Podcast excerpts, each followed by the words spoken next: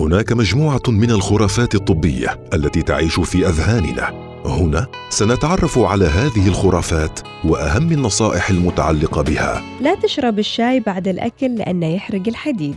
هل هذه حقيقة أم خرافة؟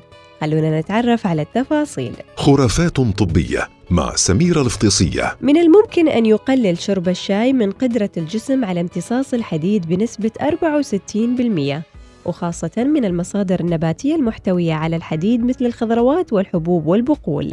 وقد يؤثر بشكل طفيف جدا على قدرة الجسم على امتصاص الحديد من المصادر الحيوانية اللحوم والدجاج والأسماك.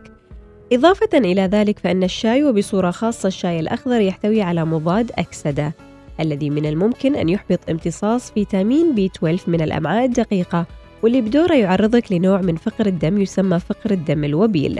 وهو شائع نسبيا عند النساء. وعلى الرغم من كل ما نسمعه عن تحذير الجميع من شرب الشاي بعد الطعام فإن النصيحة الطبية الصحيحة والدقيقة في هذا الموضوع هي تجنب شرب الشاي قريبا من الوجبات بواقع ساعتين قبل وبعد لمن يعانون من خطر فقر الدم أو النباتيين. لكن بالنسبة للرجال ولمن لا يعانون من مرض فقر الدم فشرب كوب من الشاي بعد الوجبة لن يؤدي إلى تناقص مخزون الحديد لديهم. وعلى العكس من الشاي فإن فيتامين سي يساعد الجسم على امتصاص الحديد بشكل أفضل وأكفأ. لذلك فإن عصر ليمونة طازجة على السلطة التي تأكلها فكرة مفيدة ولذيذة جدا. خلاصة هذا الكلام طالما لا تعاني من فقر الدم فبإمكانك الاستمتاع بكوب شاي لذيذ بعد الطعام مباشرة من دون خوف.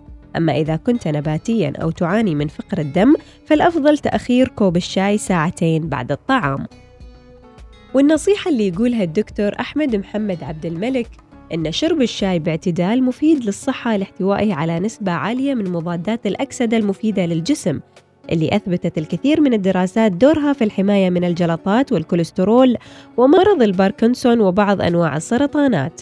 لكن نصيحة لمدمني الشاي المسرفين في شربه شرب الشاي بإسراف من الممكن أن يتسبب بالإمساك والسبب أن الشاي يحتوي على مادة الثيوفيلين التي ممكن أن تقلل كمية السوائل في المواد المهضومة داخل الأمعاء وتسبب الإمساك.